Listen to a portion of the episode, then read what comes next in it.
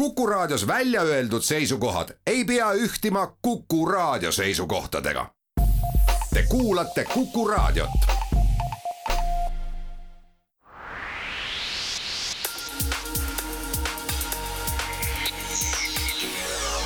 fookuses. tere, eetris on viimane selle aasta poole saade Fookuses, mina olen saatejuht Mihkel Kunnus. minuga on kaks naisterahvast siin, Edith Alpsepp on Tartu Ülikooli mm, filosoofiateadur. jah, jah, ja siis on Johanna Ross, kes on ka doktorikraadiga varustatud ja kahe lapsega varustatud, nagu ka eelkõneleja, nagu me kõik siin ja me räägimegi mm, lastest ja iibest ja ühesõnaga sellest lastetoetuse projektist, emaduslõivust, kõik see, mis on praegu kired lõkkele löönud. Kired olid lõkkel juba, juba varem, aga siis Edith ka enam ei kannatanud välja, kirjutas Postimehele nii pika artikli, et see ei mahtunud paberlehte, veebis on see täispikkuses, ilmus neljateistkümnendal juunil. pealkiri on laste ja peretoetuste tõusu eelnõu kui populistlikult nõrk julgeolekurisk Edith, tuleta kuulajatele meelde, mida sa seal üldse väitsid või mis on su kesksed murekohad või kesksed argumendid?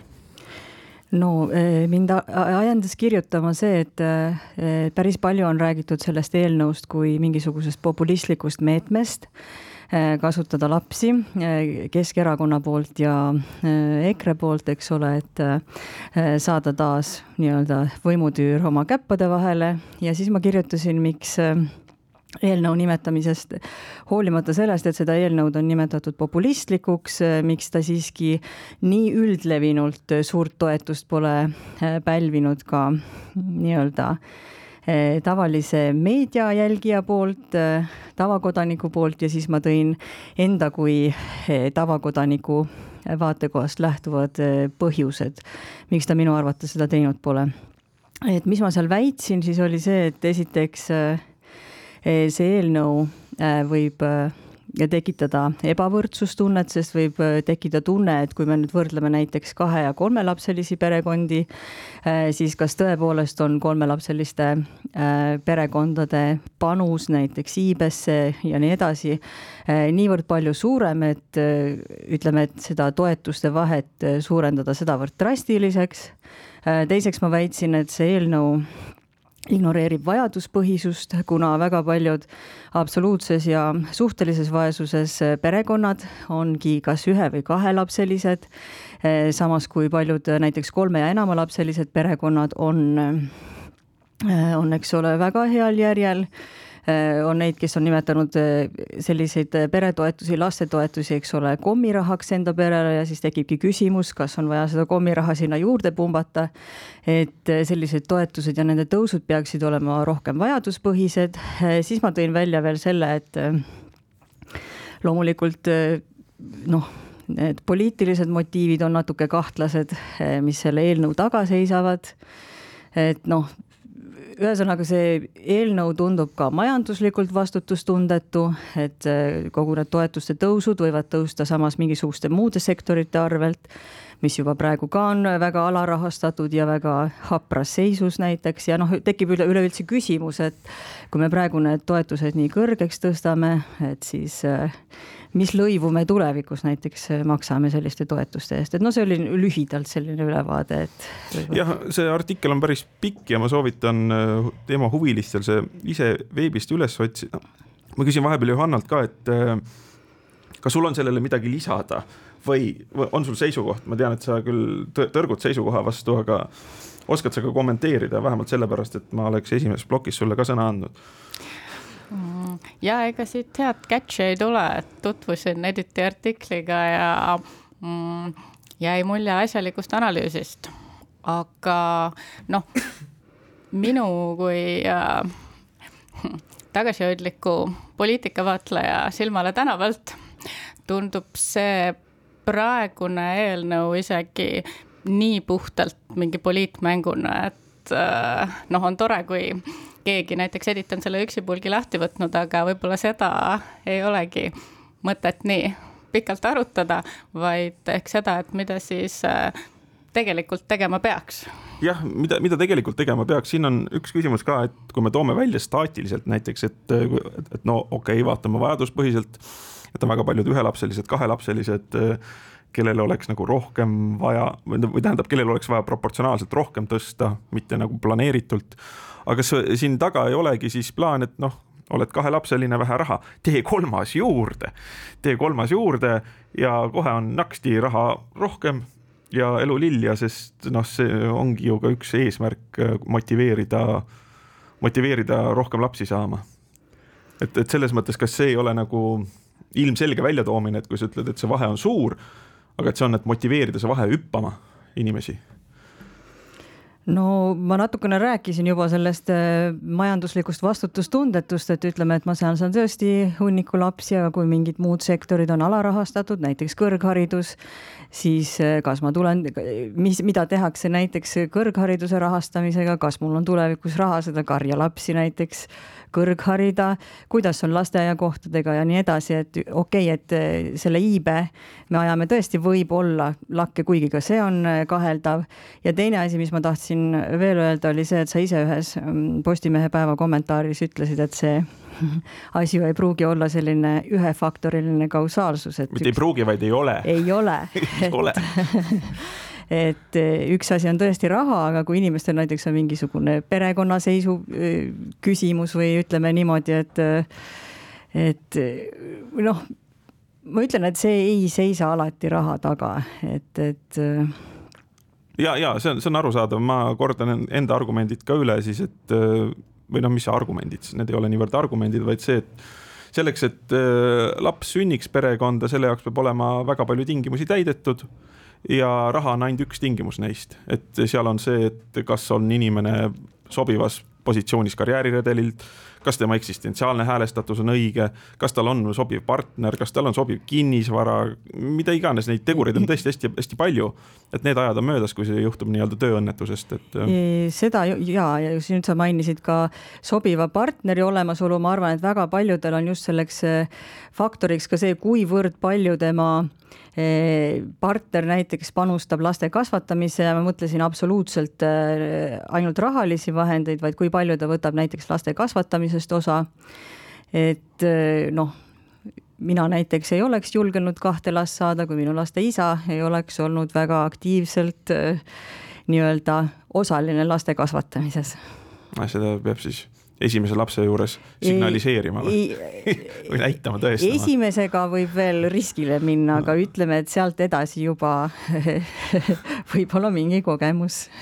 ja see on, see on ka kahtlemata, et mu enda abikaasa on ka öelnud ja, ja mu enda kogemus ka, mis ei ole ju väga laialdane, no põhimõtteliselt ei saa olla ühel inimesel laialdast kogemust, et see, et et äh, väärt mehi on kindlasti turult puudu, et äh, aga, aga, aga see, see selleks. Äh, noh, Mikk Salu kirjutas äh, siis ühe analüüsi üheksateistkümnendal juunil, et ema palk ei teinud naisi vaesemaks, lastetoetused ka mitte, ta viis teema e, emaduslõivule, mis on minu arust nagu päris, no kuidagi, kuidagi nagu ilmne asi, et mind nagu ehmatas see, et see nii paljusid ehmatas. ma olen ise ka seda teemana öelnud, et, et see on täitsa arusaadav, et kui sul on nagu pannakse kõrvuti karjäär ja lapsed, siis ilmselgelt see, kes karjääri kõrvalt millegi muuga ei tegele, sellel on nagu puhtajalises mõttes edumaa absoluutselt. et, et no sa ei, need ei pea tingimata lapsed olema, see võib olla ka mingi, ma ei tea, sport näiteks või midagi, eks ju, et kui sa tahad teha tööalast karjääri ja spordikarjääri korraga, siis üks paratamatult kannatab, et see on nagu veider, et selle üle imestatakse. absoluutselt, et kui sul on ikkagi lapsed näiteks isegi akadeemilise töö peal, eks ole, et sul on õhtud tegelikult, isegi kui lapsed on juba lasteaiaealised, mis iganes, et õhtud on tegelikult ju okupeeritud, kui väga paljud võib-olla teised eh, eh, kolleegid, kellel ei ole lapsi, saavad seda õhtut kasutada näiteks artikli kirjutamiseks või mida iganes, siis eh, lapsega inimesel on konkreetselt ikkagi lastega koos olemise arvelt täiesti kindlasti sealt. ja, ja, ja siin on, siin on, siin on veel üks aspekt, mille ma enne pausi minekut ära mainisin, eks, et kui me tahame nii-öelda töö ja pereelu karjääri ühildamist teha, ja nõnda, et võimalikult palju lastega inimese karjäärivõimalused oleks sama head kui ilma lasteta inimesel. see tähendab tehniliselt seda, et lastega inimesel ei ole vaja enam lastega koos olla, tähendab võimalikult palju nullitakse lastega koosolu aega. ja ideaalis tähendaks see seda, et nullitakse täielikult. ja siit tuleb teisest küsimusest, aga milleks üldse siis lapsi saada, eks ju, sa teed sisuliselt lapsed ja saadad nad kuhugi internaatkooli või. just nimelt. et no see, et siit hakkab ju teistmoodi motivatsiooniline komponent kannatama. Nii, nüüd me lähme reklaamipausile ja oleme kohe tagasi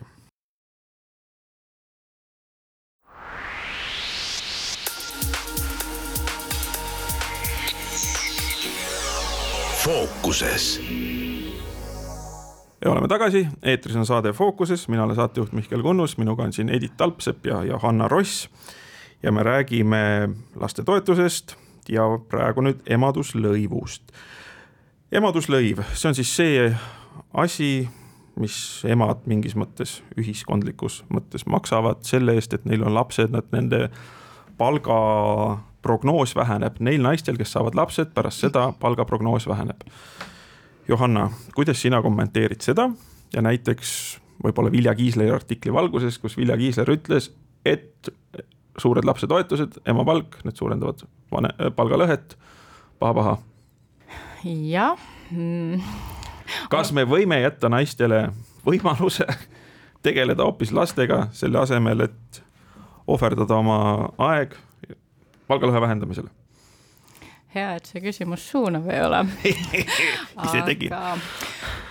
no väga raske on olemata sotsiaalteadlane ise niisugust asja kuidagigi pädevalt kommenteerida.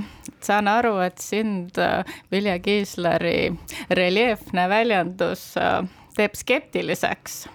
mina siiski natukene saan aru sellest impulsist, mis seal taga on et äh, ega muidugi on laste ostmine kujundlik kõneviis, aga no minu meelest see on see koht, kus on väga suur vahe inimeste vahel, kes näevad oma tööd eneseteostusena, nagu võib-olla meie siin kõik, ja inimeste vahel, kelle jaoks töö on ränk või ebameeldiv kohustus. vot jah, kusjuures Jordan Peterson on selle aspekti välja toonud, et kus ta ütleb, et enamikel inimestel ei ole töö või tähendab, enamikel inimestel ei ole karjäär, vaid on töö.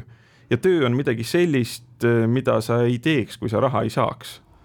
et ähm, ma ka kipun nõustuma ja vot siin võib olla küll see asi, et vot just need, kes sõna võtavad, eks nad reeglina on artikuleeritumad ja nii edasi, eks ju, ja need inimesed on ka reeglina sellised, kes jah, näevad ennast rohkem selles mõttes ennast teostavana. et siit, siit võib juba see, mm, see, see, see vahe sisse tulla et näiteks minul endal on praegu kodus kõige noorem laps on äh, üheteistkuune ja selgelt on näha, et tema mõlemad vanemad käsitlevad vanemapuhkust kui äh, võimalust teha tööd. kui vastupidi, kui aega, mis tuleb olla eemal oma huvitavast Äh, kaasakiskuvast tööst mm.. loomulikult on äh, laps, lapsega kodus olla ka väga tore, aga midagi olulist on elus sellel ajal siiski puudu. ja see on, ma arvan, fundamentaalselt teine lähtepunkt kui neil inimestel, kes tegelikult ei tahaks igal hommikul kella kaheksaks kuhugi minna. näiteks õpetajad olgu, see, see oli ka nüüd natuke su suunav nali, aga ei no ma, ma arvan, et tõe, tõepoolest, et noh, siin on raske tegelikult nagu väga konkreetseid asju välja tuua, et sedasama inimest alandamata näiteks öelda, et noh, Maxima kassiir, mis on olnud kahetsusväärsel kujul mingiks teatavaks stambiks läbi kukkunud elust umbes või noh, et prostituut enam ei sobinud öelda mingi aeg, et sekstöötaja, siis hakati ütlema, et kui sa ei õpi ja tubli ei ole, siis sa lõpetad Maxima kassiirina või midagi niimoodi, mis on mis, mis, mis on ka, ka väga-väga-väga halb asi. aga ma ei tea, kuivõrd näiteks see noh, kas see, kas see teema üldse, palgalõhe debatt peaks olema siin argument või kuidas te näete seda? Edith sa minu arust ei kasutanud seda ei, terminit. sellepärast, et minu jaoks see niivõrd relevantne isegi ei olnud, et kui me ütleme, et võib-olla mingis traagilises tähenduses, et nüüd hüvitised panevad lapsi äh,, naisi ma ei tea, sünnitama, siis ma ütleks, et ei pane nad midagi, kui panna ei lase, eks ole, et äh, see on, see on ikkagi, äh, kui see töö on nii-öelda noh, tõesti nagu eneseteostus, nagu siin juttu oli, eks ole, et selles mõttes, et see annab võib-olla mingisugused võimalused, noh, ütleme, et siin on tõesti vahe inimestel, kes noh, kes kuidas oma tööd näeb, eks ole, kui tõesti see on see eneseteostus ja nii edasi, et ega see hüvitis iseenesest ju ei, ei sunni mind selle töö juurest eemal olema, eks ole. Aga ja need, keda ta nii-öelda paneb sünnitama, siis ma ei tea, kuidas nemad seal palganivoo hierarhias nagunii nagu asetseksid ja, ja.... oota, kas tuleb nüüd mingi eugeeniline võbelus sisse või? et see, see, seda, seda küll äh, hoolikalt välditakse, aga noh, kuluaarides ikka, et noh näiteks üks asi, miks praegune vanemahüvitis on see, et eks ju suunatud niimoodi, et palk säiliks, et, et ta ei ole ühtlustav, vaid see, et äh, rikkad saavadki suuremat äh, vanematoetust. ühesõnaga, suuremapalgalised saavad suuremat vanematoetust. et see, et mitte teha sellisel viisil, et mida va varasemalt vaesem sa oled, seda suuremat seda sa saad, et mitte motiveerida siis kuidagi dispro disproportsionaalselt rohkem neid inimesi, kes on vähevõimekad eks ju, et ähm, see on ka selline arutluskäik iseenesest, mis tuleb peita kuidagi hästi pikkadesse segastesse lausetesse mm, -hmm. umbes nagu ma praegu tegin, et keegi ei saaks kiirelt karjuma hakata või, või, või tsiteerima. sest ük, üks asi näiteks, ma ei tea, kuidas te suhtute sellesse ettepanekusse, mille Margus Punab tegi aastal kaks tuhat kaheksateist. Äh, mulle iseenesest Punabi mõtted väga meeldivad, kuna ta on sihuke hästi tehniline noh, meestearst ja noh, arstid üldse, nad on väga tehnilised, et mitte öelda sootehnilised. et, et kui on kolme lapse ema, et siis maksta talle riigi keskmist palka. ja see ongi palk ja ei ole igasuguste toetamistega vaja, vaja jebida ja tema arutluskäigud olid seal veel, veel täiesti sihukesed, et noh, kui me vaatame neid äh, katseklaasi lapsi, kes seal oli mingid protsendid, et seal ühe, ühele, ühele keskmiselt kulub abi, abistamiseks kaheksa tuhat nelisada eurot. selleks, et see laps üldse sünniks. Mm, noh, see oli aastal kaks tuhat kaheksateist, et noh, see on sihuke aus tõuparanduslik meede, et mit, miks mitte utsitada neid, kes on bioloogiliselt võimekamad, seal oligi selline sõna nagu bioloogiliselt võimekam nojah. sa oled bioloogiafilosoof ka, Edith, et seda. ei no mina jälle küsiksin, et mis, mis need Eh, ülimad eesmärgid meil on, kui me mingisuguseid toetusi määrame, et eh, näiteks minu meelest juba eesmärk, kaks eesmärki, kas parandada laste ja lastega perede heaolu või tõsta iivet, minu meelest kaks absoluutselt erinevat eesmärki et eh, noh, näiteks, et eh, see toetuski, toetuste tõstmine, et kui me tõepoolest räägiksime siin konkreetsete laste heaolust ja nende perede heaoludest, siis me ei teeks selliseid äh, drastilisi tõusude vahesid, eks ole, et see noh, see tõepoolest nagu on mainitud, nagu ma ka ise ütlesin, et see suurendaks sellist ebavõrdsust laste vahel. samas kui osade laste heaolu see ju ei tõstaks ja samas noh, ma ütlen, et kui me suurendame seda iivet et äh, noh, ma ei tea, kas ma julgeksin nagu üleüldse küsimuse alla panna, kas see suurem iive iseenesest on eesmärk iseenesest või mitte. et selliste kaalutluste puhul just, et, et äh, et siin kolme lapse emale keskmine palk ja nii edasi, samas kui kahe lapse ema peab äh, võib-olla sama raha eest käima täiskohaga tööl ja veel kahte last kasvatama, et siis tõepoolest küsida, et mis see meie peamine eesmärk üleüldse on. et kas see bioloogiline võimekus nagu äh, ühiskonna mõttes, et äh, kas see on ainuline asi, mida nagu selles mõttes? ma arvan, ma arvan, et see on, see on iseenesest väga oluline küsimus tõepoolest, et mis meie eesmärk on, see on oluline küsimus. aga kas niimoodi, ma ei tea, kuidas te suhtute või iibe tõstmisesse, ma ütleks, et see on, see on oluline küsimus selles mõttes täiesti rahvusneutraalselt, et, et rahvus, rahvuslik retoorika ma jätaks ise ka selle kõrvale, et äh, iive on see, et noh, me teame, et meie rahvastik on vananev, see tähendab siis ka seda, et äh, töötava, töötavate inimeste osakaal langeb ja sellega tegelikult kaasneb noh, meeletult sotsiaalseid probleeme, meeletult, eks ju, haigekassaga niimoodi, et see on nagu äh, see on üks väga suur ja väga-väga halb faktor, kui rahvastik vananeb. noh, igatpidi, see on nagu väga halb, et see, et seda, seda tendentsi pidurdada ja noh, vähimatki ohtu ei ole, et meil tekiks siin mingit demograafilise plahvatuse sarnast või järsku ilgelt palju rah-, lapsi peale tuleks no ma, mina arvan, et see ei ole rahvusneutraalne, sellepärast et sellistele tillukestele riikidele nagu Eesti on see veel ekstra oluline. ekstra oluline, kui võrreldes mingite suurte väga rohkete, eks ole, rohkearvuliste äh, väga suure rahvastikutihedusega ri-, riikidega, et minu meelest see ei ole rahvusneutraalne küsimus tegelikult, sellepärast võib-olla Eesti, Eestis ongi see. no ma ütleksin jah, et see on, see on nagu isegi kui vaadata rahvusneutraalselt, on see väga-väga oluline küsimus. jah aga, aga ma ei tea, milliseid meetmeid teie näeksite iivet soodustavatena, Johanna, tohib niimoodi küsida otse?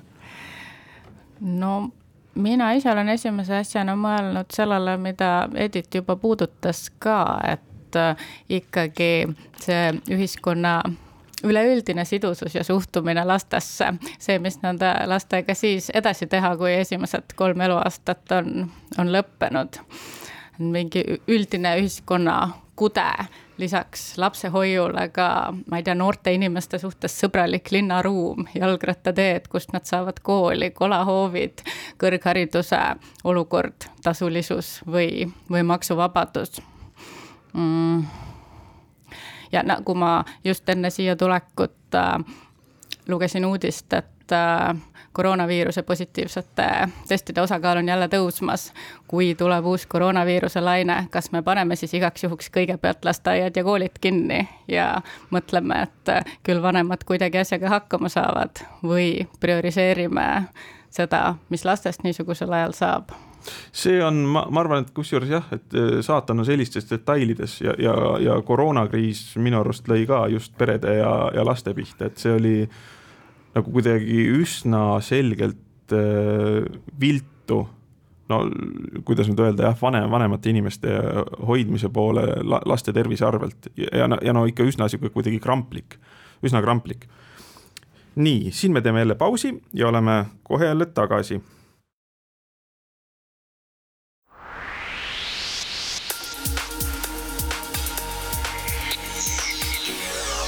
fookuses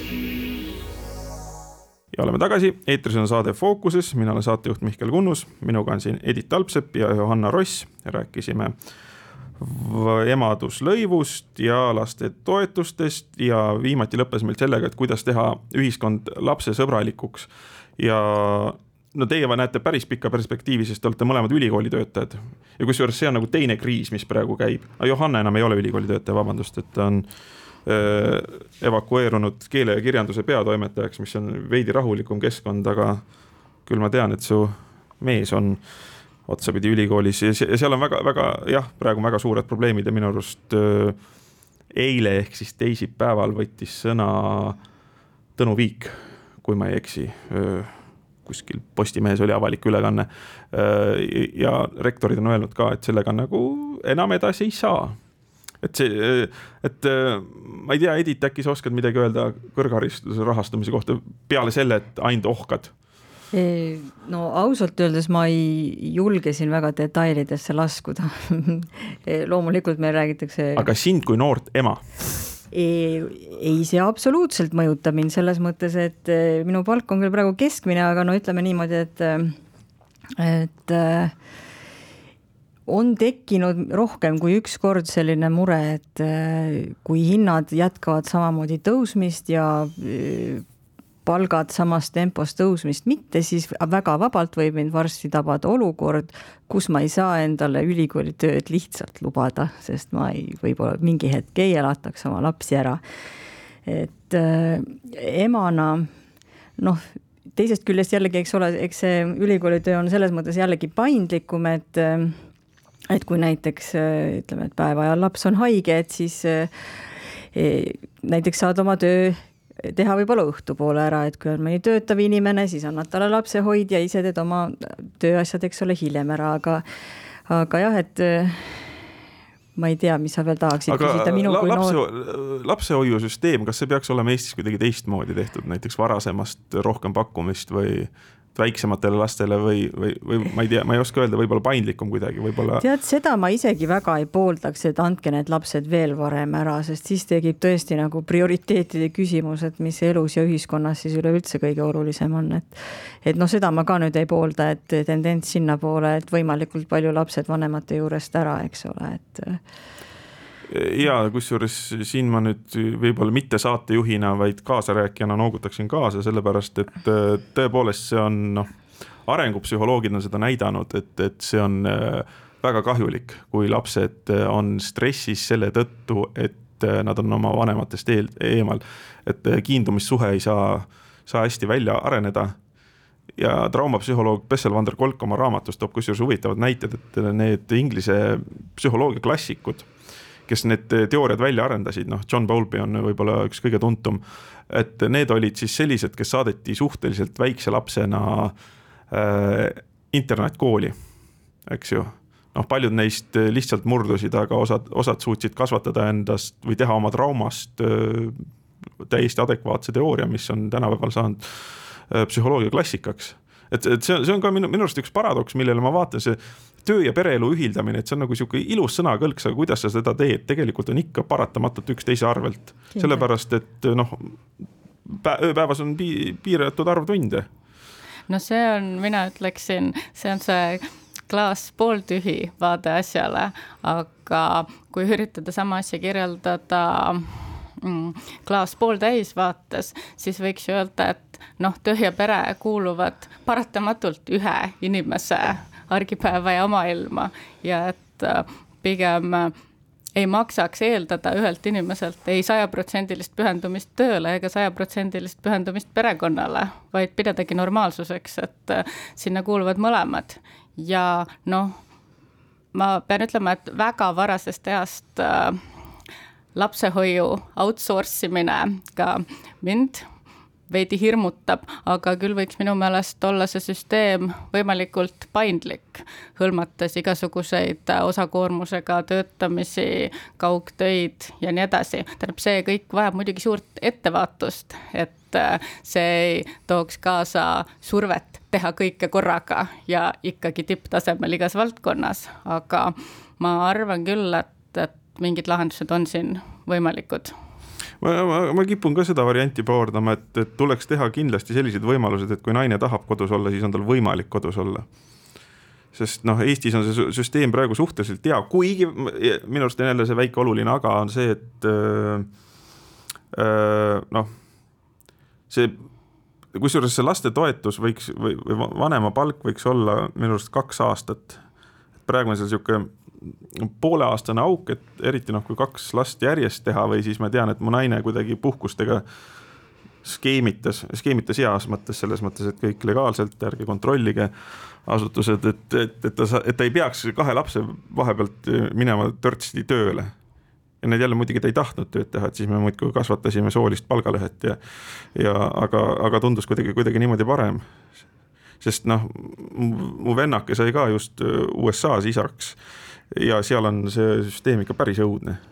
et seal on vist mingi kuus nädalat või, või on ja, siis, et no miks ma reageerisin nii teravalt selle Vilja Kiisleri sõnavõtul oligi see, et noh, et idee on siis see, et kas emad võimalikult ruttu tööturule tagasi peksta, et nende palgalangus oleks võimalikult väike ja, ja mingi sihuke formaalne näitaja nagu, nagu palgalõhe oleks, oleks väiksem sest äh, no see, see, see, mis mind veel nagu palgalõhe juures närvidele käib, on see, et tegu on statistilise keskmisega. see tähendab, et kui üks äh, tubli riigiametnik, kelle nimi on näiteks Ulla, eks ju, küsib endale palka kuus tuhat viissada eurot siis ta nullib väga ilusti palgalõhet, eks ju.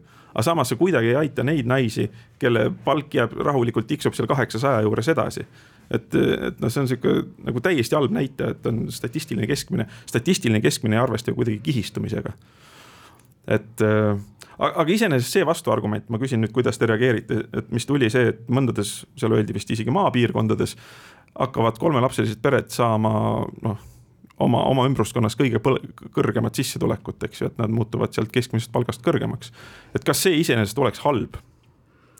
Mina, nagu mina oma artiklis välja tõin, minule see ei meeldiks miks ei meeldi? no minu meelest see on ebaõiglane selles mõttes, et minu meelest see panus ühiskonda ühe lisalapse näol ei ole proportsioonis sellega, et jah. aga kas ei võiks panna mõtlema niimoodi, et aga saaks siis ka kolmanda, et mis see siis ära ei ole? Ma arvan, et võiks panna ja panebki. mõtleme. Johanna aga sellisel juhul, kas ei kõla tegevus tõesti juba laste ostmise moodi? aga kas see on halb? Ja ta. kas, kas on nagu halb, sest me ostame nagu ju, ju kõiki, kõiki asju. mulle meenub üks, üks uuring, kuigi ma suhtun iroonilistesse uuringutesse, aga et, et keskmine Eesti naine tahabki seal umbes kolm koma lapsi, eks ju, ja me näeme, mis on see reaalne tulemus siis, et, et enamasti jääb reaalsus soovitule alla et kui me nagu võimaldame need soovid täituda, muidugi jah, tuleb välja, et soovid on muditavad teatud tingimustel, eks ju, soovivad inimesed teisi asju. Ja iseenesest noh, lapsi on ju vaja ühiskondlikus nii-öelda ka küünilises mõttes. et täiesti meil noh, me ostame tulevikku mingis mõttes no ja ütleme, see on niisugune sotsiaalne inseneeria, milles mina ennast väga pädevana ei tunne, et ma vist vaatan küsimusele rohkem üksikisiku perspektiivist. ja. ja siis sulle ei meeldi? Ma arvan, et siis ei peaks need valikud sõltuma niisugustest asjadest ja et ei ole hea neid väga jõuliste meetmetega püüda panna sõltuma niisugustest asjadest. olgu, see on nüüd täiesti maailmavaateline asi. ja nüüd lähme reklaamipausile ja siis oleme tagasi viimaseks plokiks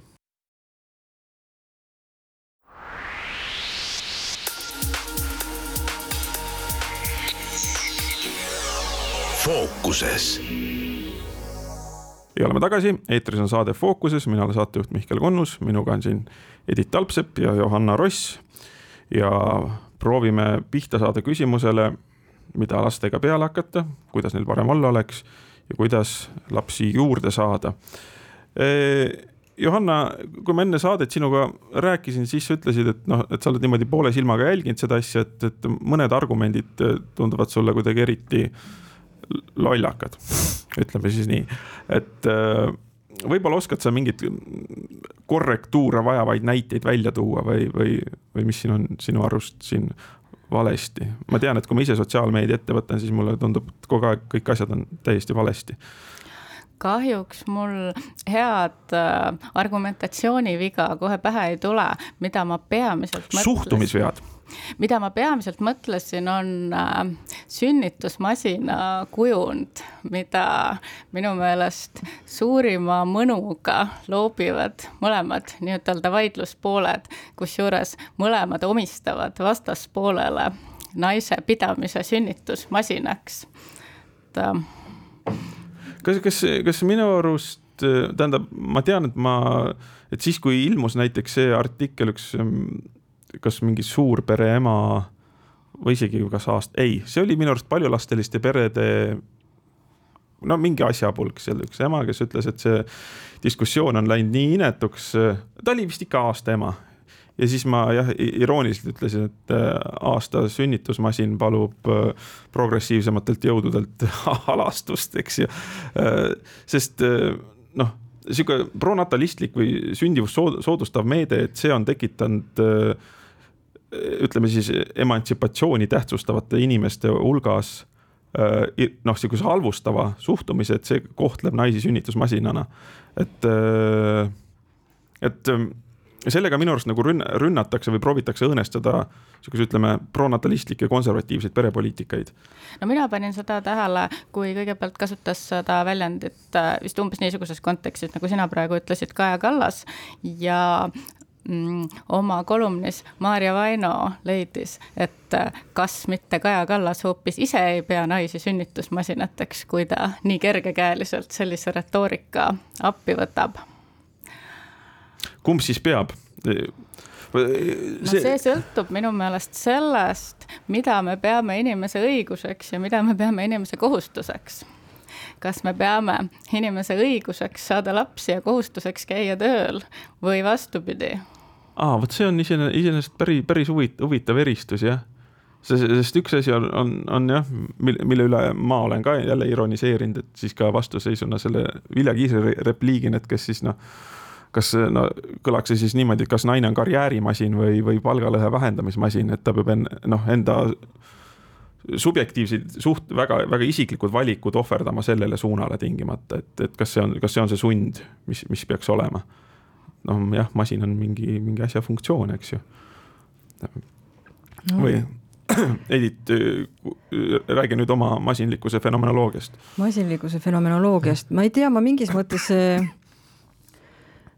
mõtlen, et äh, ma ei tea, jättes mingisugused feministlikud ideoloogiad siia või sinna, siis inimene ilmselt tõenäoliselt mõtleb ka puht pragmaatilisest seisukohast, ütleme, et kui naisterahvas ongi aastaid kodus eh, heldete toetuste baasil, kui ta saab, ütleme, lapsed on juba sellises eas, et toetusi enam ei saa eh, töökogemust pole, mees otsustab, et liblikad lendavad kuhugi mujale poole, kinnisvara pole et eks inimene peab ise vastaval hetkel tegema need puhtpragmaatilised valikud võttes siis neid toetusi arvesse või mitte, et. aga üks, üks asi, tähendab, miks mulle näiteks see Margus Punapi äh, ettepanek meeldis, eks ju, et noh, kui inimene saab palka, mitte toetust, siis saabki nagu noh, emapalk siis on konkreetselt, et seal, seal on, sellega kaasneb näiteks, eks ju, igasugune sotsiaalkindlustus ja loomulikult see ka, et pensioni see äh, fond kasvab, et ja, ja noh, et pensioni juures arvestatakse, et see on, et, et see oleks samasugune töö nagu teine, eriti kui räägitakse äh, kodustest majapidamistöödest või selline asi, et selle, seal, sealt tiksuksid juurde ka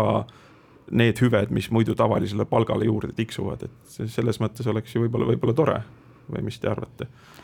No minu meelest ikkagi huvitav, miks äh, sooliselt nii asümmeetriline on. selles mõttes, et eriti alleaastase lapse emana ma olen enam kui valmis möönma, et teatud asümmeetria seal on ja seda me ära ei likvideeri.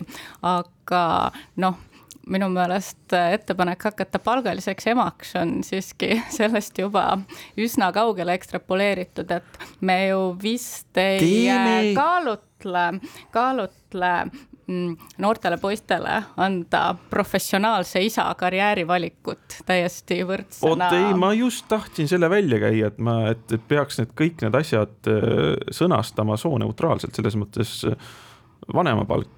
äh, vanemapalk. ma võin saab... kohe öelda, et mina oleksin siis juba poole rohkem müüdud noh, et just. selle nimi on, no vanemahüvitis versus äh, kolloquiaalne emapalk on mul ammu pinnuks silmas. ja, ja just, tähendab, siis peaks olema nagu vanemapalk, mitte vanemahüvitis, eks ju, et seda võib teha siis me, mees või naine. Äh, ja lihtsalt see, et äh, selle temaga kaasnevad kõik palga, palgaboonused riiklikud toetused. praegu me oleme justkui rääkinud, justkui see nagu tõesti oleks miski, mis sunnib naised või no kuidagi selline tonaalsus, mis sunnib naised koju jääma ja nii edasi, aga tegelikult keegi ei sunni koju jääma, see mm. peretoetus võib tulla ju. ta on ju võimalus, eks. palgale lisaks samas samuti, et keegi ei sunni sind selles mõttes koju jääma ja kes üleüldse ütleb, et see just nimelt. nojah, see on nagu kuidagi võib öelda, see on sihuke kuidagi meelitamine. jah, no ta ei sunni, aga üldiselt me ju vist kui me meetmetest räägime, siis me arutame ju viise, kuidas noh, mudida inimeste valikuid ja käitumisviise. Et ta muidugi jah, ta ei ole selline piitsaga sund, aga ta on ikkagi ju püüe mõjutada inimeste käitumist. Meil, meelitada, aga no meelitamine võib olla ju positiivne, ma, ma ise nagu oleks nagu positiivse meelitamise poolt. igasuguste noh, näiteks, et meelitad inimesed rohkem sporti tegema ja vähem sööma ja sihuke hea, hea, heas suunas meelitamine on alati positiivne, piitsa vastu ma olen küll jah, igasugune repressiivne. kui alternatiiv on sundida naised äh, mingi karistuse ähvardusel koju sünnitama, siis loomulikult on meelitamine eelistatavam. aga küsimus on praegu vist pigem selles, äh, mida me tahame kedagi vaat, tegema vaat, meelitada. aga asi on ka selles jah, et kui sa, kui sa selle nii-öelda meelitamise ära jätad ja, ja piitsa ka ära jätad, siis tähendab, siis see tähendab lihtsalt, et läheb nii nagu läheb. las minna, noh ei teegi midagi et kui me ütleme, et noh, okei okay,, selles me oleme täiesti ühel meelel, et piits on halb. ja kui meelitamine on ka halb, siis ainsaks tagajärjeks on, et eh, las läheb loomulikku isevoolu ja kujunemist. ja muidugi siis ei ole ka arvata eh, kuidagi minu arust eh, vaja eeldada, et sealt midagi head ja toredat välja tuleb. no mina personaalselt pole isegi selle vastu, et, et rohkemalapselised pered saaksid isegi proportsionaalselt, näiteks see on täielik näide, ütleme, et minu meelest oleks isegi see natuke seeditavam, ütleme, et ühe lapse eest saad sada, kahe lapse, teise lapse eest saad juba kakssada, kolmanda eest saad juba kolmsada ja siis need summad nagu summeeruvad, aga minu arust just nimelt need suured hüppepunktid, kaks versus kolm, kuus versus seitse ja ma mõtlesin näiteks veel seda vahemikku kolm kuni kuus näiteks, eks, eks ole, et kui me tõesti tahame seda panna majanduslikest kaalutlustest lähtuvaks, siis inimene mõtleb, et ahah, kolmega on see nii-öelda optimaalne äh,. optimaalne, et kulud versus tulud, et või, miks ma siis neljanda, viienda, kuuenda saan, et siis see toetus kasvab niivõrd vähe, eks ole, et et seda. ja no ühesõnaga me vist oleme jah üsna nõus selles mõttes, et see eelnõu oli kuidagi pehmelt öeldes väga pentsikult koostatud. Et.... ja no meelitamise side pole ka midagi viga, kui see oleks tõesti mingisugune taevasarv, mis meile seda raha siia alla pillub, aga just nimelt see tuleb kellegi ja millegi arvelt, eks ole, selles ja muidugi et... siin on hästi halb pretsedent selles mõttes, et ma juhiks tähelepanu nüüd äh, viieteist juuni, viieteistkümnendal juunil, kui TÜ matemaatika emeriitprofessor Margit Tiit kirjutas artikli Rail Balticut tuleb veel mõõta ja mõelda, mis siis miks ma jälle seda sisse toon, sest see on lihtsalt tüüpiline näide, kus nagu majanduslikult täiesti idiootne asi, mis boonusena on veel kestliku, keskkondlikult idiootne asi, ikka teda vaikselt tiksutatakse läbi. selles mõttes, et pretsedent sõgedale laha laristamisele on tehtud. nii, nüüd ma sain oma hingega natuke kergemaks. ma eraldi tooks veel välja osa eelnõu algatajate eksplitsiitse vastumeelsuse tõsta äh, üksikvanemate toetust. ah, need on need ekreiidid vist jälle mõned, eks ju. nojah, olgu, jumal nendega, et äh, aga no mis näitab väga selgelt, et selle eelnõu taga no see, no ole... jah, see teeb veel ebasümpaatsemaks. just nimelt, et selle taga ei ole primaarsena tegelikult laste heaolu äh, peale mõtlemine. vaid fantaasia suurest äh, traditsioonilisest tuumikperekonnast, mis ei pruugi olla sugugi halb asi, aga mis võib-olla ei peaks olema ka tingimusteta väärtus number üks. jah, olgu siis, olgu siis neid palju aitäh tulemast, Johanna ja Edith, kahjuks saateaeg sai läbi, just läks põnevaks, just sulasime.